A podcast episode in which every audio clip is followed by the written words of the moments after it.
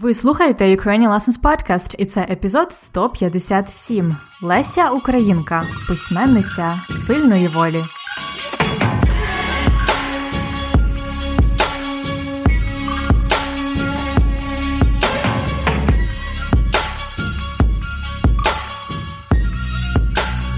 Привіт-привіт! Це Анна Огойко, і ви слухаєте подкаст для всіх, хто вивчає і любить українську мову. Подкаст Уроки української або Ukrainian Lessons Podcast. Цей подкаст призначений для іноземців, які вивчають українську мову або які не хочуть її забувати, так? Я знаю, що нас слухають е, іноземки та іноземці, які жили в Україні, а тепер повернулися в свою країну. Наприклад, волонтери Корпусу миру. Привіт вам! Також, як на мене, такі подкасти повільною українською мовою корисні для тих, хто вже знає іншу слов'янську мову, наприклад, російську чи польську. Мені завжди цікаво дізнаватися більше про вас, моїх слухачів. Я дуже рада отримувати від вас листи та голосові повідомлення. Завжди рада вашим звісточкам. Пишіть на Анна собачка ukrainianlessons.com або надсилайте голосові повідомлення anna at ukrainianlessons.com А сьогодні я продовжую серію уроків про відомих і цікавих українців. Як виявилось, Є так багато людей, про яких я б хотіла вам розказати, дуже важко вибрати. Але сьогодні я все-таки вирішила вибрати українку, яка є однією з моїх улюблених письменниць. Я вважаю її справжнім генієм. Це Леся Українка українська письменниця, поетеса, перекладачка і культурна діячка. Можливо, ви вже щось чули про неї? Може, бачили її на купюрі 200 гривень? Це дуже гарна купюра. То як? Готові починати сьогоднішній епізод?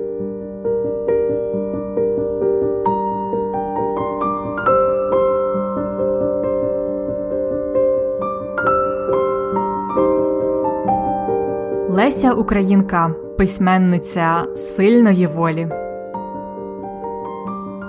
25 лютого 1871 року в місті Новоград Волинський, зараз це Житомирська область, народилася дівчинка Лариса. Вона народилась в інтелігентній сім'ї.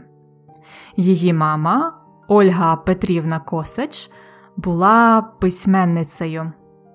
Вона була відома під е, псевдонімом Олена Пчілка, а її тато Петро Антонович Косач був поміщиком. Він був дуже освіченою людиною, любив літературу і живопис. Отже, це була небідна сім'я і батьки могли інвестувати в освіту їхніх дітей. Дівчинку Ларису часто називали Леся, і у неї також був брат Михайло, з яким вони були не розлий вода. Вони так багато часу проводили разом, що їх навіть називали одним іменем Мишелосія, тобто Мишко і Леся. Мишелосія. У дитинстві Леся була надзвичайно кмітливою. Вона все схоплювала на льоту. Кажуть, що свій перший вірш вона написала у 9 років. І ще досить швидко вона почала опановувати іноземні мови французьку, німецьку, англійську, польську, російську, італійську. Тобто Леся швидко стала поліглоткою.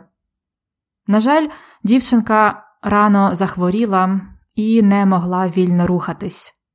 Лікарі поставили діагноз ревматизм. Хоча пізніше виявиться, що у неї набагато серйозніша хвороба туберкульоз кісток. На той час це була невиліковна хвороба.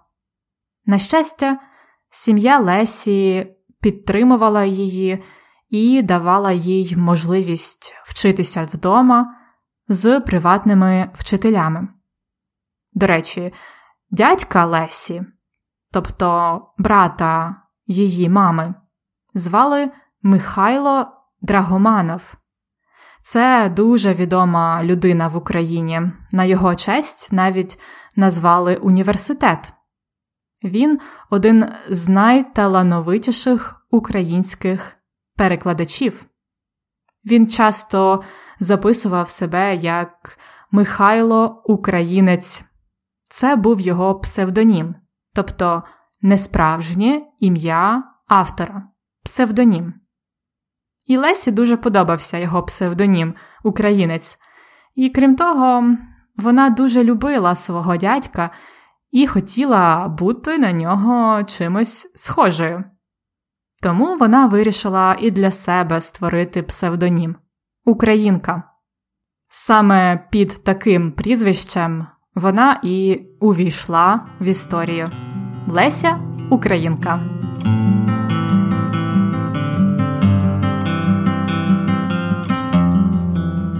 А ще вона ввійшла в історію своїми геніальними творами та перекладами. Річ у тім, що Леся писала великі серйозні твори у віршованій і часто драматичній формі. А це досить непросто і вимагає справжнього таланту. За формою її твори можна порівняти з творами Вільяма Шекспіра. Вони справді геніальні. Наприклад, у творі Лісова пісня Леся Українка написала про два світи: світ людей і світ природи з міфічними персонажами. Ці два світи поєдналися в коханні звичайного хлопця Лукаша і міфічної героїні Мавки. Цей твір справді чудовий, він багатошаровий, багатошаровий, тобто містить багато шарів, багато планів, багато аспектів, багатошаровий. Крім того, Леся Українка переробляла деякі класичні твори світової літератури на українські версії.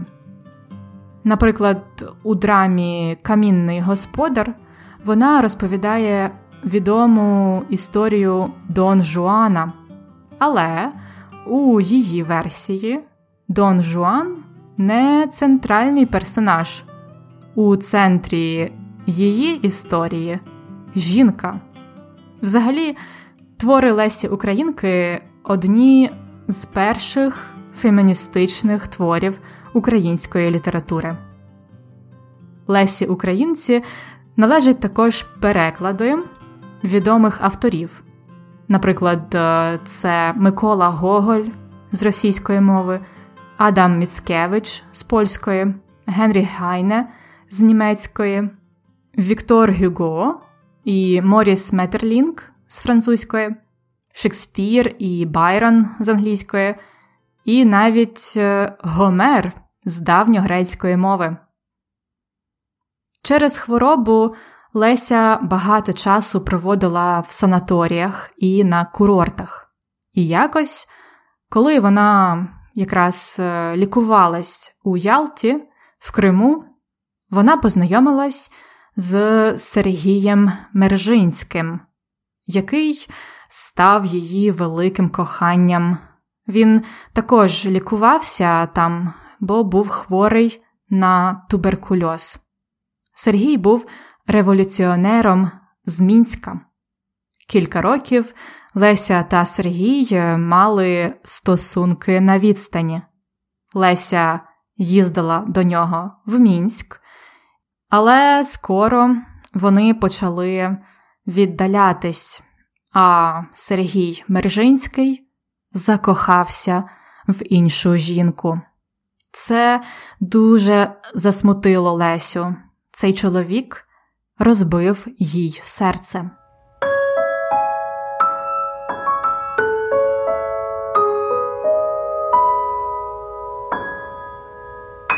В одному зі своїх листів до нього вона написала: Твої листи завжди пахнуть зів'ялими трояндами. Зів'ялі троянди це троянди, які зів'яли, які вже не живі, не свіжі, вони мертві. Ось така сумна історія. Сергій Мержинський скоро помер від хвороби, а Леся Українка була поруч з ним в останні дні. Через постійний сум і трагічне кохання Леся стала ще важче хворіти.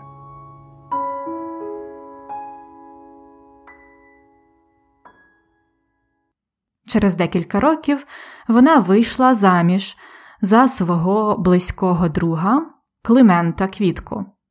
Хоча це не можна було назвати коханням, це було більше близька дружба. У 1913 році, у віці 43 років, Леся померла у гірському курорті в Грузії. Поруч з нею був її чоловік і її мама.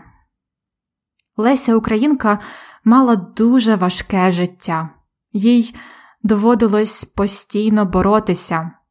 Тому настільки дивовижно, як, попри тяжку хворобу, вона змогла написати так багато творів. Причому зараз ці твори це справжня класика української літератури, а життя Лесі Українки є прикладом сили волі і натхненням для всіх нас.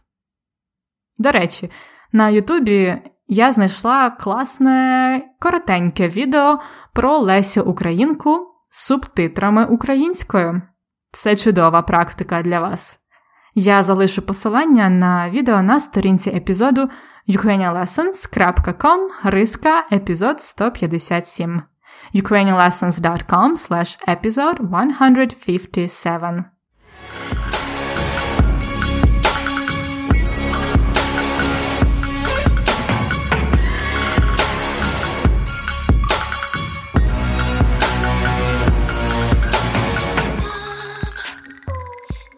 А зараз пора розглянути цікаві фразеологізми та ідіоми, які я використовувала у своїй розповіді. Отже, у Лесі був брат Михайло, і вони були не розлий вода. Не вода. Це дуже гарний фразеологізм, як на мене. Не вода це одне слово. Угу. Це про двох людей, яких не можна розлучити їх не можна розлити водою. Тобто це дуже близькі люди, нерозлучні люди, які завжди разом. Зазвичай так кажуть про добрих друзів, і, мабуть, трошки рідше про братів і сестер. Але Леся Українка і її брат були нерозлий вода. Коли я навчалася в університеті, моя подруга Іванка і я були нерозлий вода. Але зараз ми живемо в різних містах, тому вже не так часто бачимось. Бути не розлий вода. У дитинстві Леся була дуже розумною, дуже кмітливою. Вона все схоплювала на льоту. Схоплювати на льоту або хапати на льоту. Хапати, Схоплювати означає ловити англійською to catch. Ловити, схоплювати, хапати. Схоплювати на льоту це дуже швидко щось е, розуміти, дуже швидко сприймати щось, швидко вчитися. Наприклад, Леся Українка схоплювала на льоту іноземні мови. А мій брат, наприклад, схоплює на льоту все, що стосується програмування. Він дуже добрий програміст. Схоплювати, хапати на льоту. Леся Українка досить рано захворіла. Лікарі поставили діагноз ревматизм. Поставити діагноз це те, що роблять лікарі. Вони ставлять діагноз, тобто говорять, яка у вас хвороба. Зараз якраз період пандемії коронавірусу. Щоб поставити діагноз коронавірус, людина має спочатку пройти спеціальний тест. Якщо тест позитивний, лікар ставить діагноз коронавірус. Ставити поставити діагноз. Лариса Косач увійшла в історію під прізвищем Леся Українка. Увійти в історію або ввійти в історію. Це вже колись було в нас на подкасті в другому чи в третьому сезоні, пам'ятаєте? Увійти в історію це стати частиною історії, запам'ятатися людям. Лариса Косач увійшла в історію під прізвищем Леся Українка, і також вона ввійшла в історію як е, геніальна письменниця, поетеса і перекладачка. Увійти в історію. Згадаймо про особисте життя Лесі. Вона мала стосунки на відстані з Сергієм Мержинським. Стосунки на відстані. Це типове явище в наші часи. Але, як бачимо, вони були і 200 років тому. Стосунки на відстані це коли дві людини, які мають романтичні стосунки, живуть в різних місцях. Стосунки на відстані це зазвичай тимчасове явище, вони не можуть тривати вічно бо можуть виникнути проблеми, такі як е, в Лесі Українки і Сергія. Угу. Стосунки на відстані. А проблема була в тому, що Сергій Мержинський закохався в іншу жінку. Він розбив Лесі серце. Розбити серце. Це завдати комусь болю, переважно відмовивши цій людині в романтичних стосунках. Сергій Мержинський фактично зрадив Лесю, він розбив їй серце. Розбити, розбивати серце. І остання фраза на сьогодні це сила волі бо саме це була основна риса характеру Лесі Українки. Сила волі це два слова. Англійською слово одне willpower. Слова навпаки, так, сила волі. Я сказала, що життя Лесі Українки є прикладом сили волі. Сила волі.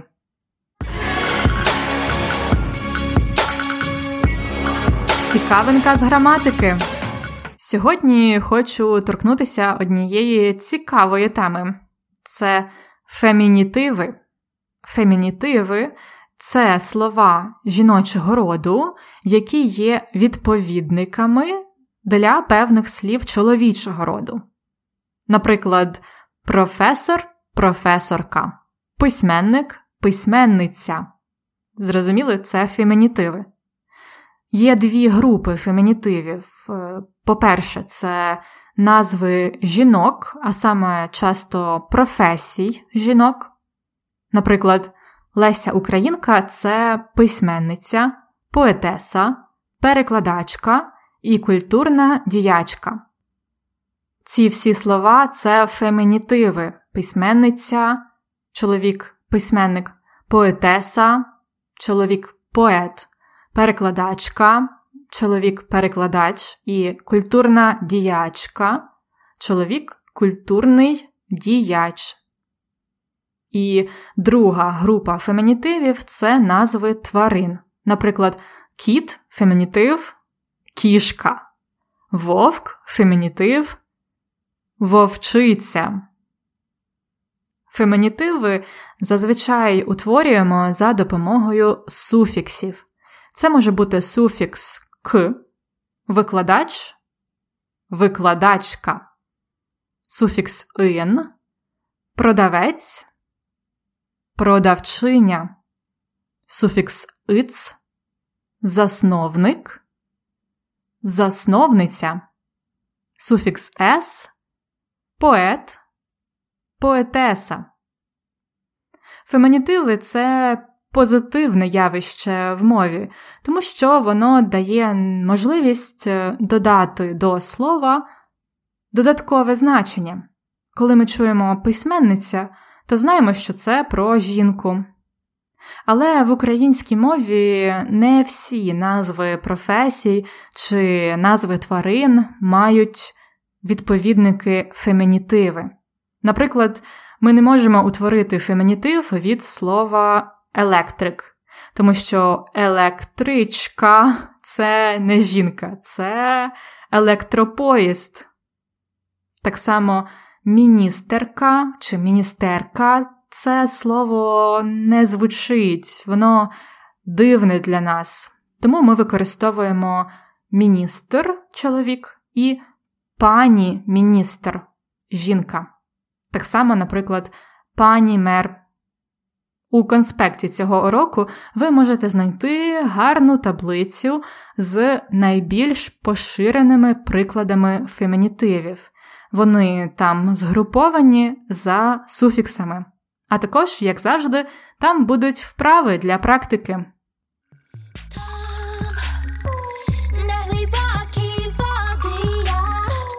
А в мене все на сьогодні. Сподіваюсь, ви дізнались щось нове про одну з найвідоміших українських письменниць, поетес і перекладачок. Можливо, ви навіть захочете прочитати її драму чи вірш. Напишіть мені, якщо зробите це. А я нагадаю, що додаткові матеріали до цих уроків доступні для тих, хто оформив преміум підписку. Це повний текст епізоду, таблиці, вправи і корисні картки з ідіомами. Дізнавайтеся більше про преміум на сайті ukrainianlessons.com риска епізод 157.